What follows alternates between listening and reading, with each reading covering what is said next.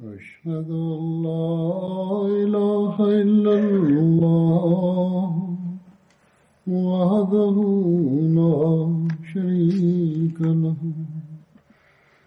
وأشهد أن محمدا عبده ورسوله أما بعد فأعوذ بالله من الشيطان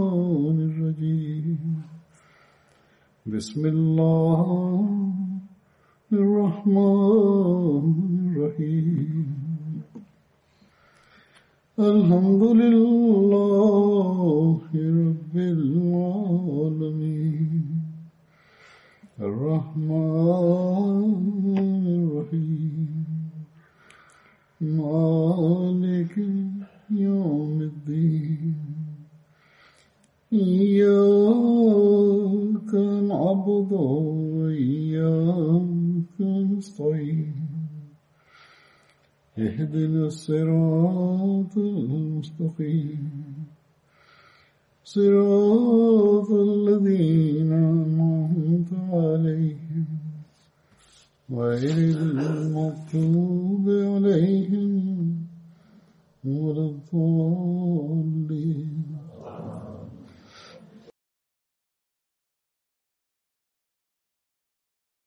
ashaba kojeg ću da spomenim danas i koji je učestvovao u bici na Bedru.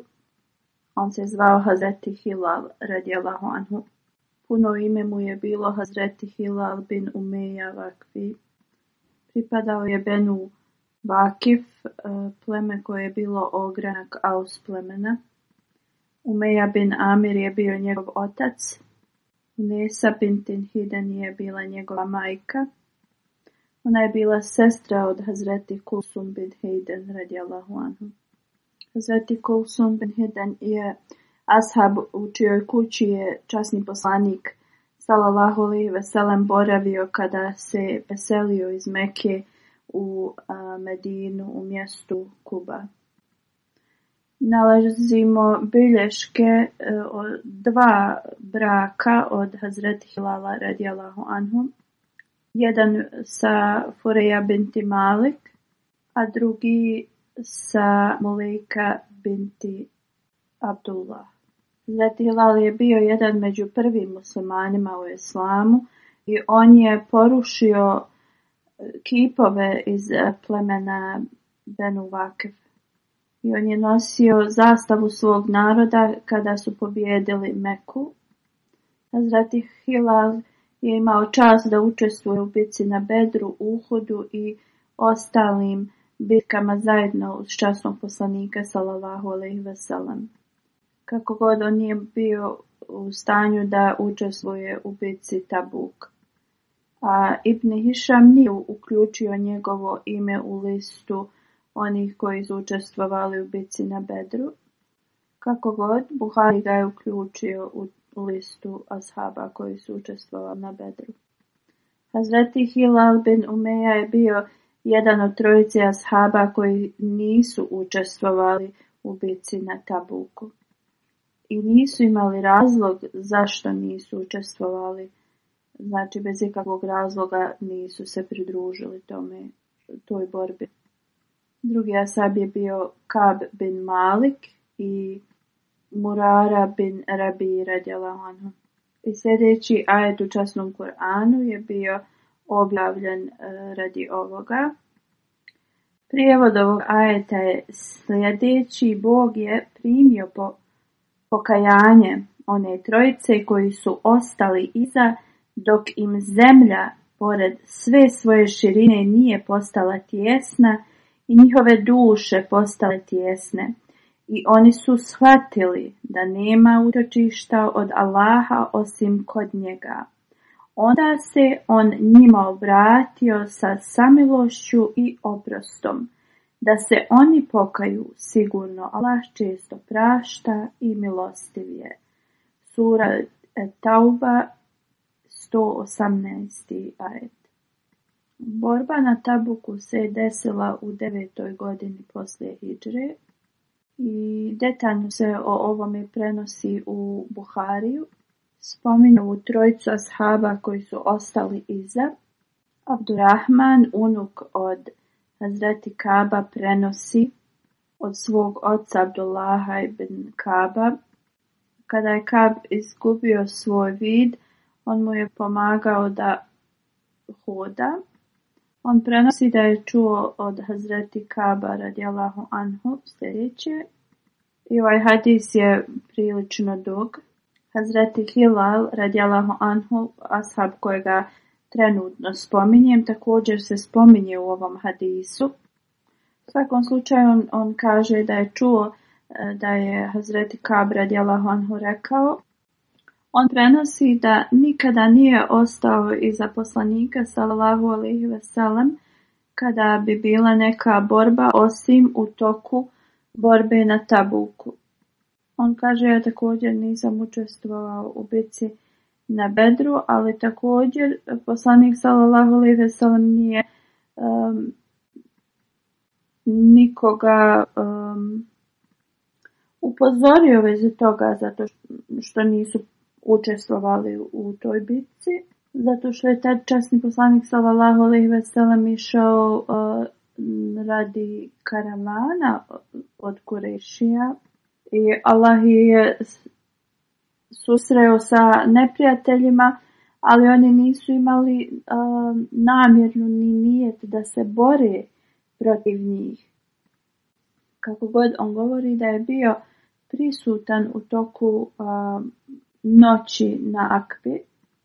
On kaže, tada smo obećali da nikada nećemo um, napustiti islam i da će islam uvijek da bude na prvom mjestu i on kaže iako je bitka na redru više popularna među narodom ja je ne bi zamijenio sa tom noći na akvi to jeste kada su oni dali e, ta bejat, tu zakletu na akvi, časnom poslaniku, salalahu i Hazreti Kabra, djelahu anhu, prenosi tad da nikada nije bio bogatiji ni mučniji osim e, tada kad je ta borba bila na tabuku. On kaže, tako mi Boga, prije te borbe na tabuku nikada nisam imao ni dvije e, kamile osim tad, kaže, kad je ta bitka trebala da se desi i kaže, kad bi god poslanik sallallahu alaihi ve išao e, u, u borbu ili na te ekspedicije, to bi bilo uvijek nekako kao tajno i išao bi u drugu uh, direkciju. To je bila samo e, ratna strategija časnog poslanika sallallahu alaihi ve i on bi ili bi duže e, putovao ili bi uzeo drugačiji put prema tom mjestu. On dalje prenosi da u toku bitke e, na Tabuku, prije te bitke, časni poslanik sallallahu alejhi ve je krenuo u doba dana kad je bilo vrlo vruće i bilo je vrlo teško da kroz pustinju e, putuju. Tada je časni poslanik sallallahu alejhi ve radi tog vremena i svega jasno rekao muslimanima gdje će i šta će, tako da oni mogu da se pripreme e, za taj put. Znači što se tiče te bitke ništa nije bilo tajno u vezi poslanik im je rekao gdje idu, kada idu i protiv koga će da se bore. Kasni poslanik sallallahu alejhi ve je krenuo u ovu borbu kada je voće bilo zrelo, to jeste bilo je vrlo lijepo vrijeme i kogo se htjeo da kogod je htio da ne učestvuje u tome, e, mogao je da ne učestvuje, ali uzvišeni Allah e, jedino da, da uzvišeni Allah to obznani časnom poslaniku sallallahu alejhi ve Časni poslanik sallallahu alejhi ve sellem njegovi ashabi su počeli da se pripremaju za ovaj put. I on kaže ja bi također im se pridruživao, ali navečer bi se vraćao bez ikakvih priprema. On kaže tada zato što je bio imućniji, nekako je bio opušteni kao on će to sve pripremiti um, na vrijeme. I kada su ovi ljudi već bili sve pripremili, i jedan dan čas poslanik sallallahu alejhi ve sellem je krenuo na taj put i ashabi su otišli sa njim. I on kaže ja sam tad e, mislio da e, trebam da se spremim i trebalo bi mu to e, jedno dva dana, ali pošto je imao kamile da može da, da brzo ih pristigne, on je mislio da tako ostane dva dana iza i onda će da ih stigne. I on kaže, tada izutra kad su oni otišli, ja sam opet otišao nešto da pripremim za taj put, ali navečer sam se vratio bez ičega. On kaže također sljedeći dan isto se i desilo. On kaže to je bilo tad moje stanje, a armija je otišla daleko onda sam odlučio da krenem i da ih pristignem.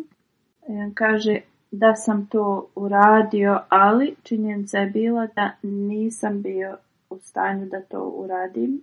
On kaže kada bi otišao da prohoda Medinom, vidio bi ljude koji su ostali i kojima je bilo dozvoljeno da ostanu iza, iza te borbe ili bi vidio licemjere koji su ostali bez ikakvih razloga on dalje prenosi da časni poslanik nije se njega sjetio sve dok e, nije e, stigao do tabuk I kada je poslanik sallallahu alaihi ve sjetio između ljudi, on je upitao gdje je Kab. E, jedan čovjek iz Benu Salma je rekao Allahu poslaniće u smislu da jednostavno zato što je on postao imućniji, da je postao ili E, arogantan i, u tom smislu ne nepažljiv što se tiče ovih e, stvari. Kad je čuo ovo, Hazreti moaz bin Džabel je rekao ti si nešto užasno rekao i rekao je o Allahov poslaniće ja ništa ne znam u vezi njega osim dobrog. Drugim riječima da on nije arogantan i da nema neku E, nadmenost u sebi i da, da nije licemjer. Časni poslanik sallallahu alejhi sam je slušao ovo i nije ništa govorio. Hazret Kab radijallahu anhu dalje prenosi.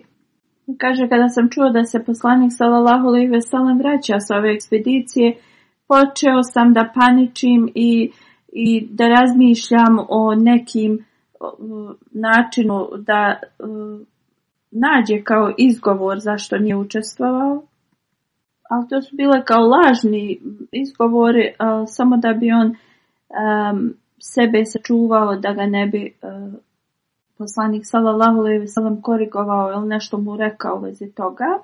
On kaže ja sam razmišljao o svim e, tim izgovorima koji su mi e, članovi porodice moje dali, ali kako je poslanik sallallahu alejhi ve sellem prilazio bliže, to je sve nestalo iz, iz, iz mog razmišljanja i znao sam da ne mogu da se spasim time zato što ću da slažem. Hazret Kab dalje govori, ja sam odlučio da kažem istinu časnom poslaniku Salavahu alejhi Vestavan. Časni poslanik se vratio u Medinu i kao što je bila njegova praksa da kad se god vrati s puta ode i klanja dva rekata na file, to je uradio i tad i onda je sjeo da bi se sastajao sa ljudima. Kada je poslanik sallallahu i ve sellem sjeo, oni koji su koji se nisu pridružili toj ekspediciji počeli su da dolaze kod poslanika i da daju svoje izgovore zašto oni nisu učestvovali u toj borbi. Svi su lažno svjedočili, neki su se i zaklinjali lažno za, zbog čega nisu mogli E, da učestvuju. Bilo je kao oko 80 e, koji su se lažno zakleli, lažno dali lažne izjave. Časni poslanik Salavaho je je prihvatio njihove razloge i uzeo je bejat od njih zakletvu i molio se za njihov oprost. I poslanik je ostavio tu tajnu njihovih srca da bude E, jednostavno da Allah Đelešanhu njih e, da im on sudi vezi toga. Hazret Kab Malik radijalahu an dalje prenosi. On kaže ja kada sam vidio poslanika sallallahu alaihi veselam na, nazvao sam mu selam.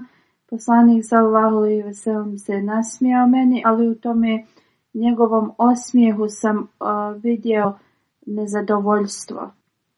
Kaže, tada mi je časni poslanik pitao šta me je zaustavilo e, da ne putujem s njima, zar ja nemam e, životinju na kojoj sam, na sam mogao e, da putujem. On kaže, ja sam rekao da, Boži poslaniče, ako, sam bi, ako, ako bi se trenutno nalazio ispred bilo koje osobe u, na ovom svijetu, ja imam elokventan govor i mogao bi da izmislim eh, hiljadama e, nekih e, kao izgovora, ali on kaže tako mi Boga, ja znam da sam lažno e, svjedočio i, i rekao ti zašto ja ni, nisam učestvovao da bi Allah bio nezadovoljan sa mnom.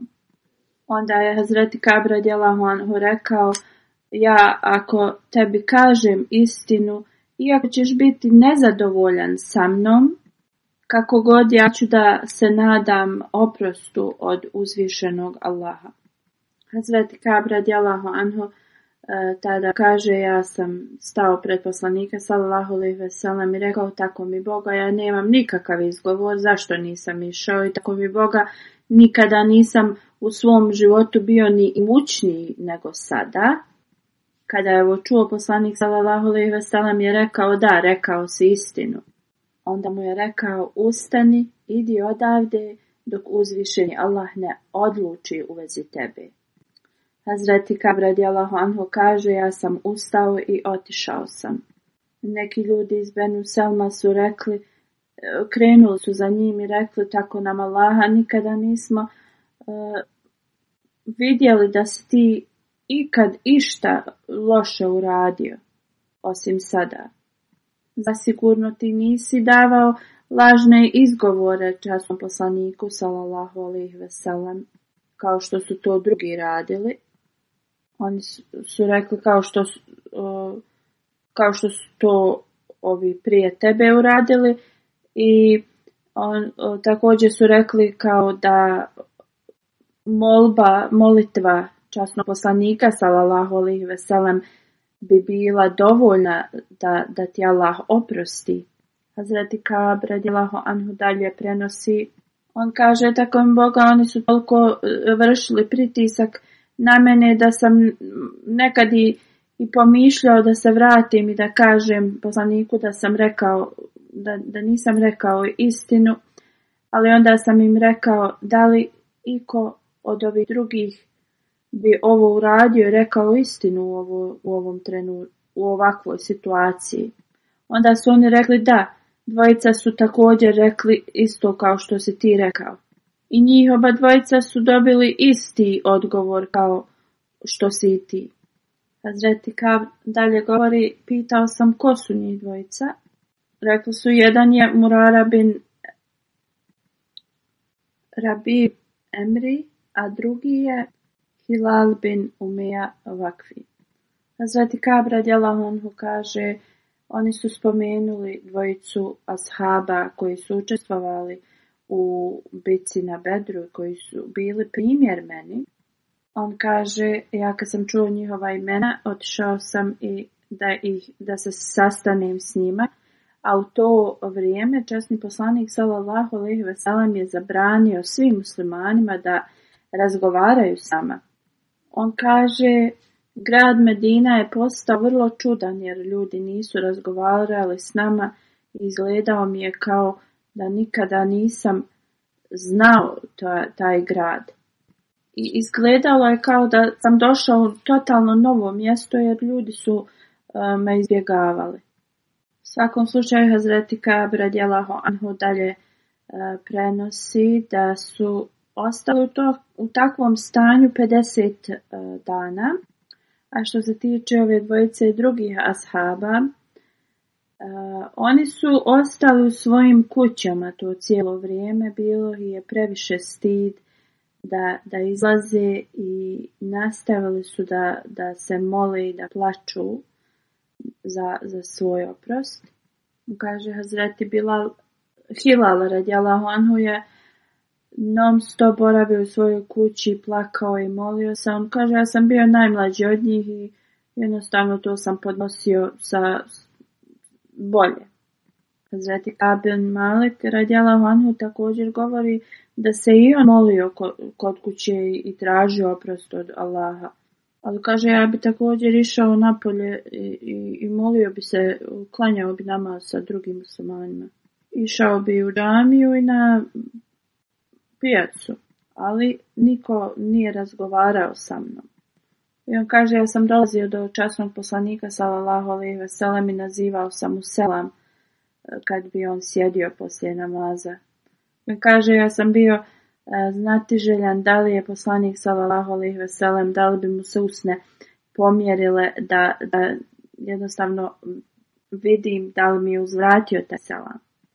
On kaže, ja bi također E, klanjao blizu časnog poslanika sallallahu alejhi ve i krijući bi gledao u njega i on kaže ja kada bi klanjao namaz časni poslanik bi okrenuo se i gledao u mene ali kad bi završavao i pogledao u poslanika poslanik bi sallallahu alejhi ve okrenuo svoj pogled od mene e, dalje kaže E, kada je ovo sve nekako ostavilo taj težak utisak na mene, na moj, moju duhovnost, na moje raspoloženje. Ja sam hodao do uh, kuće Hazreti Karada.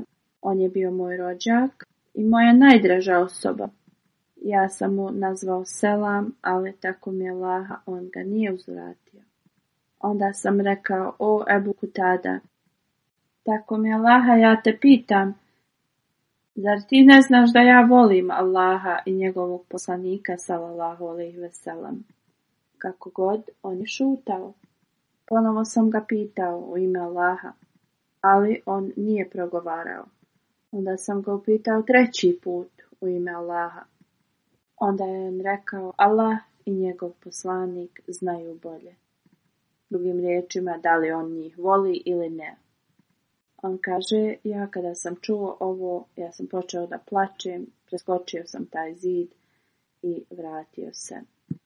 Hazreti Kabin Malik dalje govori, kaže dok sam hodao Medinom, ugledao je nekog kršćanskog trgovca koji je došao u Medinu da prodaje svoje um, uzgoje. I on je, reka, on je rekao, ko će me odvesti do Kab bin Malika? ljudi su e, počeli da e, pokazuju na mene. On mi je dao pismo od kralja Gasana koje je glasilo. U tom pismu je e, napisano bilo kao da oni su čuli da je on dobio loš tretman i da to se ne bi trebalo da, da mu se desi kao da on dođe kod njih i oni će e, se ponašati bolje prema njemu. Zatim Kabin Mali kaže kada sam pročitao ovo e, pismo, e, rekao sam sam sebi da je ovo također jedan dio ovog iskušenja. On kaže bacio sam tu pismo u vatru. Zet Kaben Malek dalje govori, kada je prošlo 40 dana, poslanik sallallahu alejhi je došao kod mene i rekao: Časni poslanik ti naređuje da se držiš dalje od svoje žene. Pitao sam je li treba da je razvedem, šta treba da radim. On mi je rekao ne, samo se drži dalje od nje.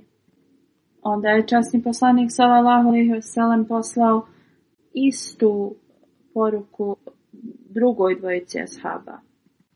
zvati Kaben Malik govori, ja sam otišao kod svoj, rekao sam svojoj ženi da ode kod svojih roditelja dok uzvišeni Allah ne odluči u vezi ovoga. Hazreti Kab dalje prenosi da supruga od eh, Hilala radijalahu anhu je došla kod časnog poslanika sallallahu alejhi ve sellem, to jeste supruga od, od ovog ashaba o kojem e, govorim. Rekla je o Allahu poslanice sallallahu alejhi ve sellem, Hilal je stari čovjek o kojem ja nema nikoga da se brine o njemu. Da li ćeš ti biti nezadovoljan sa mnom ako ja njega budem služila? Časni poslanik sallallahu alejhi ve sellem je rekao da, ti možeš za njega da, da e, kuhaš i, i da čistiš kuću, ali nekad se on, neka on ne prilazi tebi. Ona je rekla, tako mi je laha, on nema želju ni za čim. Tako mi je laha, on nije prestao da plače od, od tada, od, od te odluke e, koja je donesena za njega. Zati Kabra djela Anhu onda prenosi da neki od e, njegove porodice su pitali da i on pita za svoju suprugu da, da isto kao što je supruga od Hazreti Hilala. Kako god on kaže, ja sam rekao takom Boga, ja neću da pitam poslanika sallallahu alaihi veselam e, ovako nešto.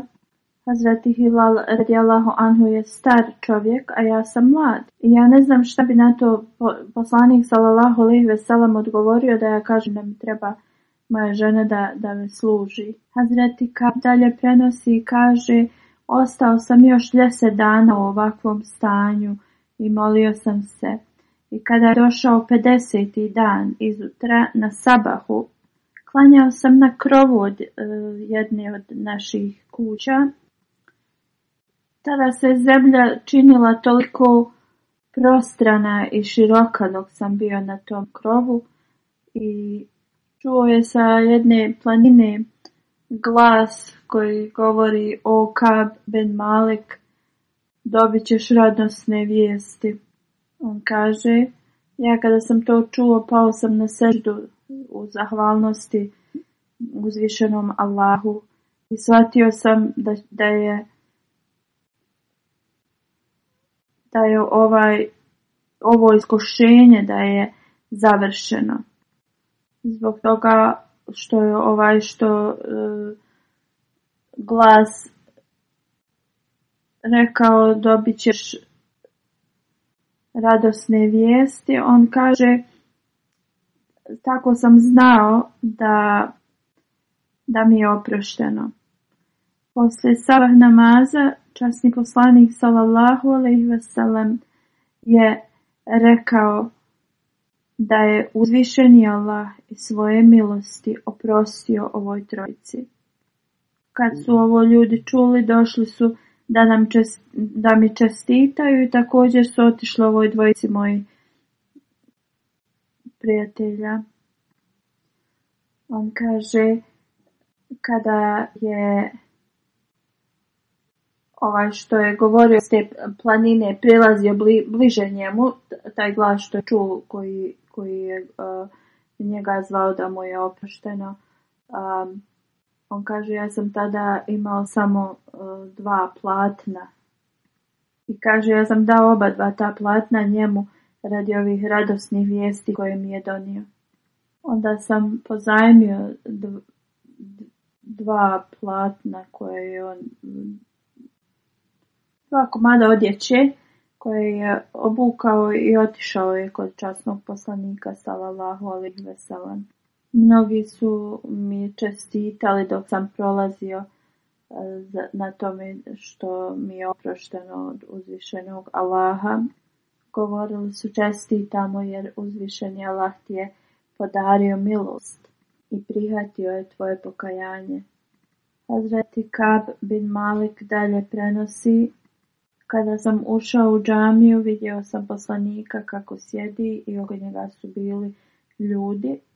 Hazreti Talha bin Ubejdullah me je vidio i počeo je da trči prema meni.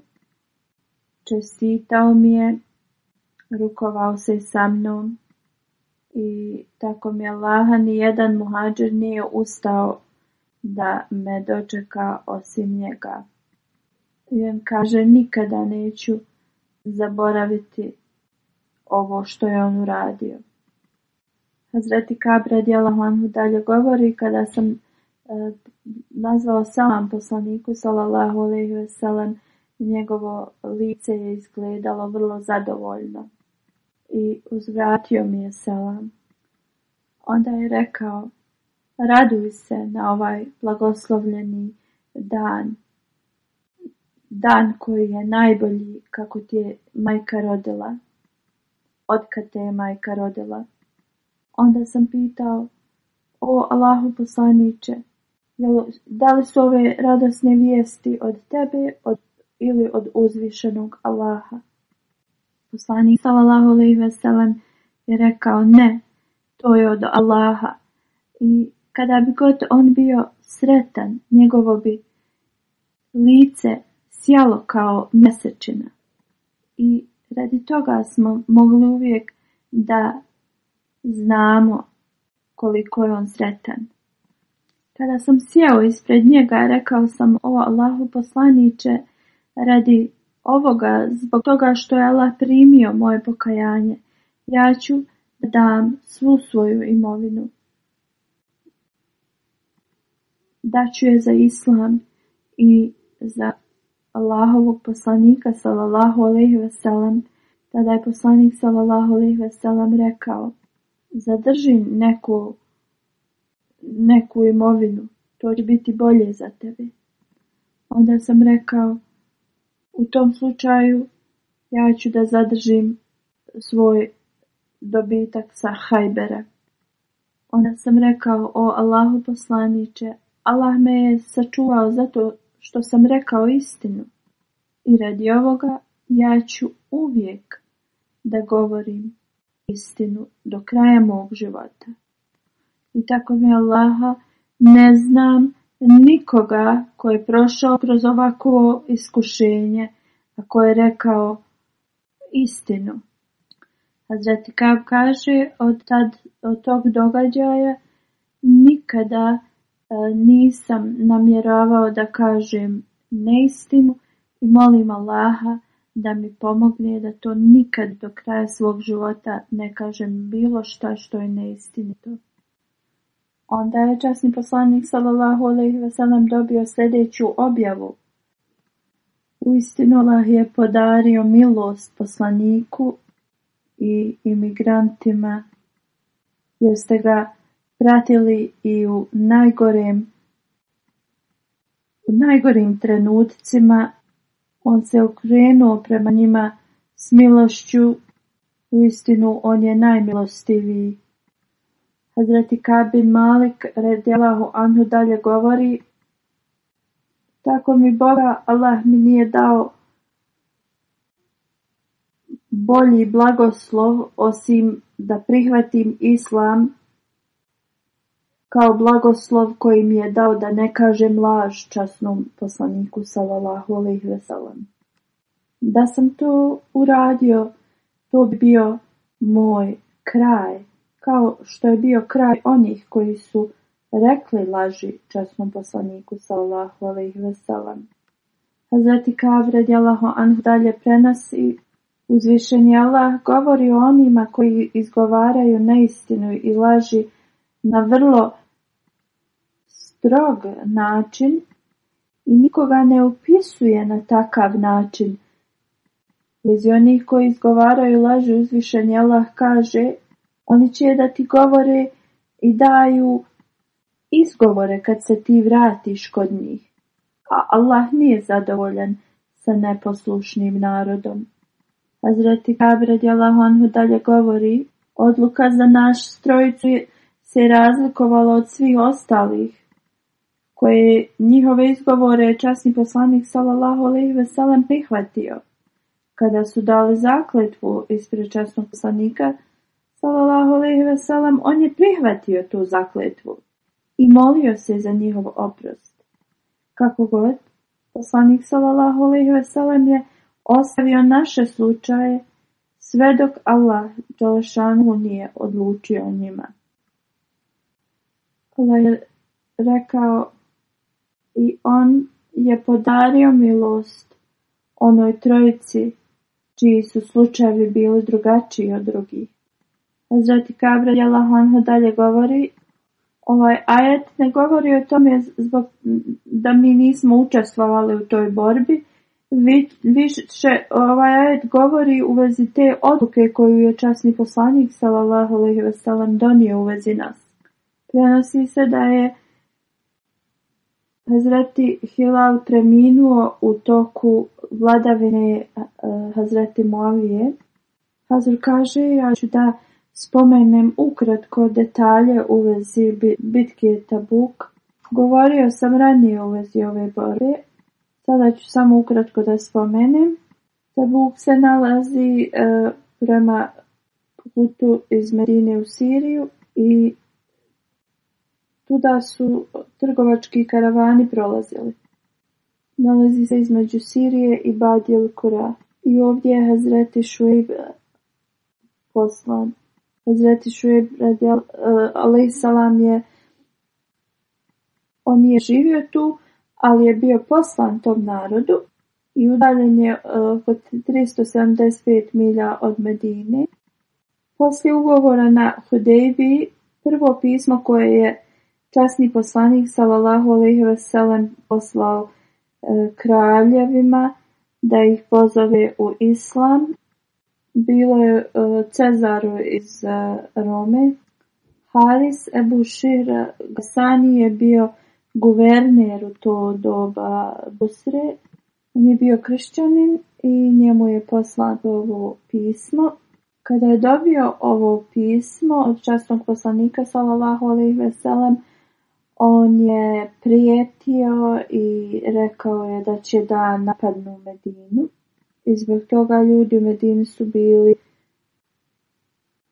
zabrinuti da oni ih ne napadnu i razlog zašto su zašto je poslanik sallallahu alejhi ve spremao se za ovaj, ovu borbu jeste zato što je dobio neke informacije od jednog plemena iz Sirije koji su dolazili da oni su dolazili da prodaju ulje u Medini.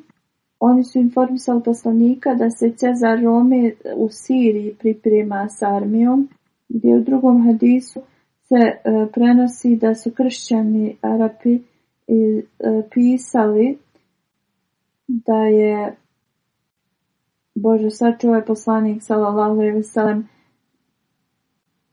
kao nestao i da je muslimane napala neka bolest i da su sve njihova um, stoka uh, izumrla.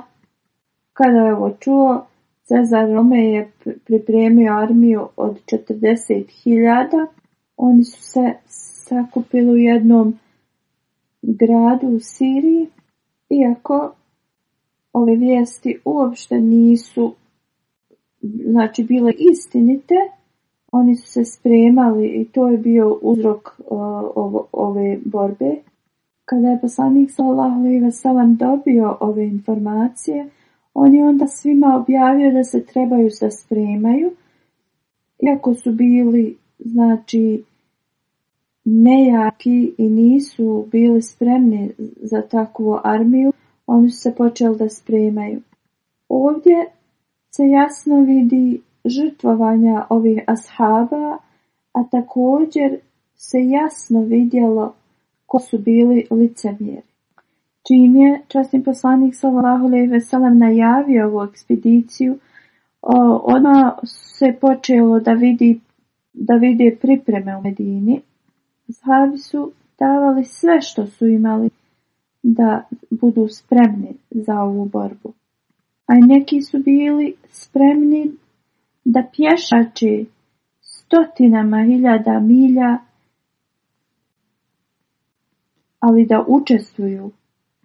Neki ljudi su otišli svojim kućama, a neki su dali sve od sebe da budu što spremni i što više da donese, da donesu ispred časnog poslanika sallallahu alejhi ve sellem.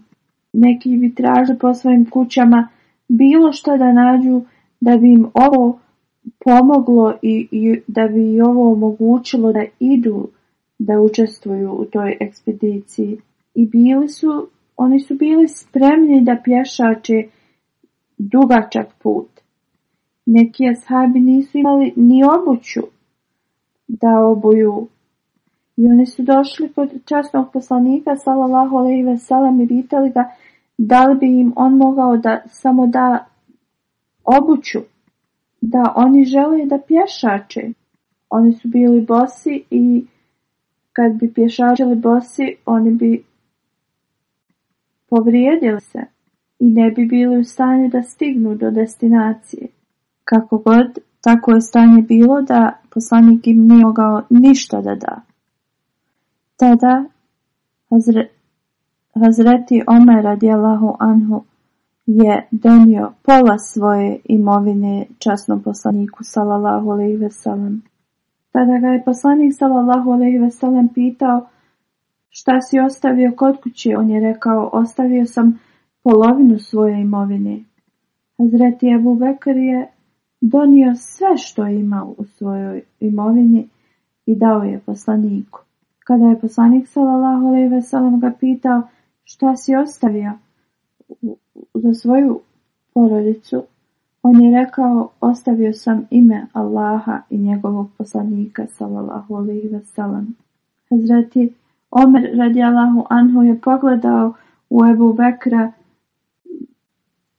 i, i rekao je kunim za Allahom ja ni u čemu ne mogu prestići Ebu Bekra totalan iznos koji je dao Ebu Bekr kada je bila borba na Tabuku je bila 4000 e, e, dirhama. Zreti Osman je dao kamile, konje i također je dao i novčano.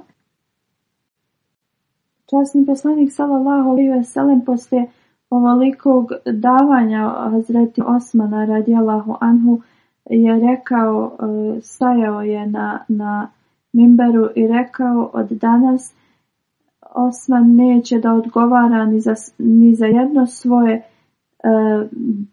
djelo ili nijedno njegovo dijelo mu neće donijeti e, negativ, negativan e, iznos za njega. I častim poslanik sallallahu i Veselem je ovo ponovio dva puta. Hazreti Abu Akil radijallahu anhu je bio ashab koji nije imao ništa da bi e, tada udjelio. On je s nekim se dogovorio da će cijelu noć da vadi vodu iz bunara i da zaljeva polje i ta, tako e, dobio je 4-5 kg hurmi. On je onda dao to, polovinu toga Um, svojoj djeci i ženi, a ostatak toga je od kod poslanika sallallahu alejhi ve sellem i rekao da je to njegova uh, učestvovanje. Tada je Hazreti Abdurrahman bin Auf radijallahu anhu dao pola svoje imovine časnom poslaniku sallallahu alejhi ve što je iznosilo 4400 dirhama a Asim bin Adi radijalahu anhu je dao stotinu vask od um, Jedan vask je otprilike dvije i po, dva i po kilograma. Kada su to vidjeli ovi licemjeri, oni su rekli da se on samo time kao pokazuje. Onda je uzvišeni Allah objavio ajet u vezi toga kaže, želim da spomenem da je otprilike 14.000 kg kilograma hurmi e, bilo dodijeljeno od Hazreti Asima. I kada su ovo lice mjeri vidjeli, oni su kao govorili da sam sam pokazuje. Također želim da kažem da u prošloj hudbi, da na prošloj hudbi napravio sam pogrešku u računjanju rekao sam 600 kg hormi nije bilo šest, 600 već 6000 kg kilograma e, U svakom slučaju kad su ti licemjeri e, govorili da to on samo radi da bi se pokazao koliko je on to dao, Allah je objavio sljedeću, sljedeći ajet sure sure Atauba, prijevod oni koji prigovaraju vjernicima što sadaku daju i koji od srca čine dobro i onima koji nemaju ništa kod sebe osim svog truda i oni se njima rugaju, Allah će odgovoriti na njihovo ruganje i za njih je teška kazna određena. Ovaj ajet je objavljen zbog ovih licemjera. U svakom slučaju ovo sam spomenuo zbog toga e, što je povezan, povezan događaj u vezi e, Hilala radijalahu anhu, asaba kojeg spominjem. I postoji još detalja u vezi Hazreti Hilala radijalahu anhu koje ću da spomenem u sljedećim hudbama želim da spomenem da Vakfena department je otvorio um, website koji je uh, e, Internacional. International. Danas se zvanično otvara. Ovdje roditelji mogu da pišu u vezi svojih e, pisama koje su poslali e, za svoju djecu. I mogu da nađu upute i mnogo toga u vezi Vakfena.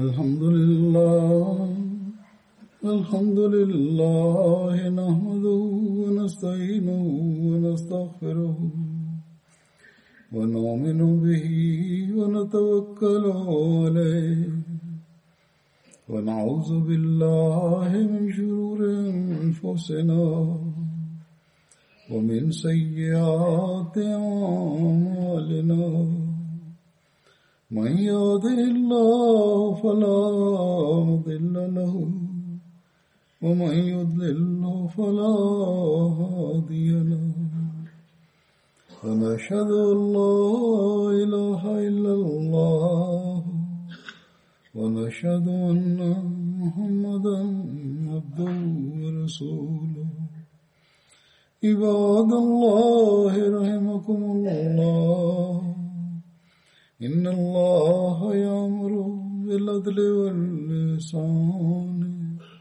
وإيتاء ذي القربى وينهى عن الفحشاء والمنكر والبغي يعظكم لعلكم تذكرون اذكروا الله يذكركم ودوه يستجب لكم ولذكر الله أكبر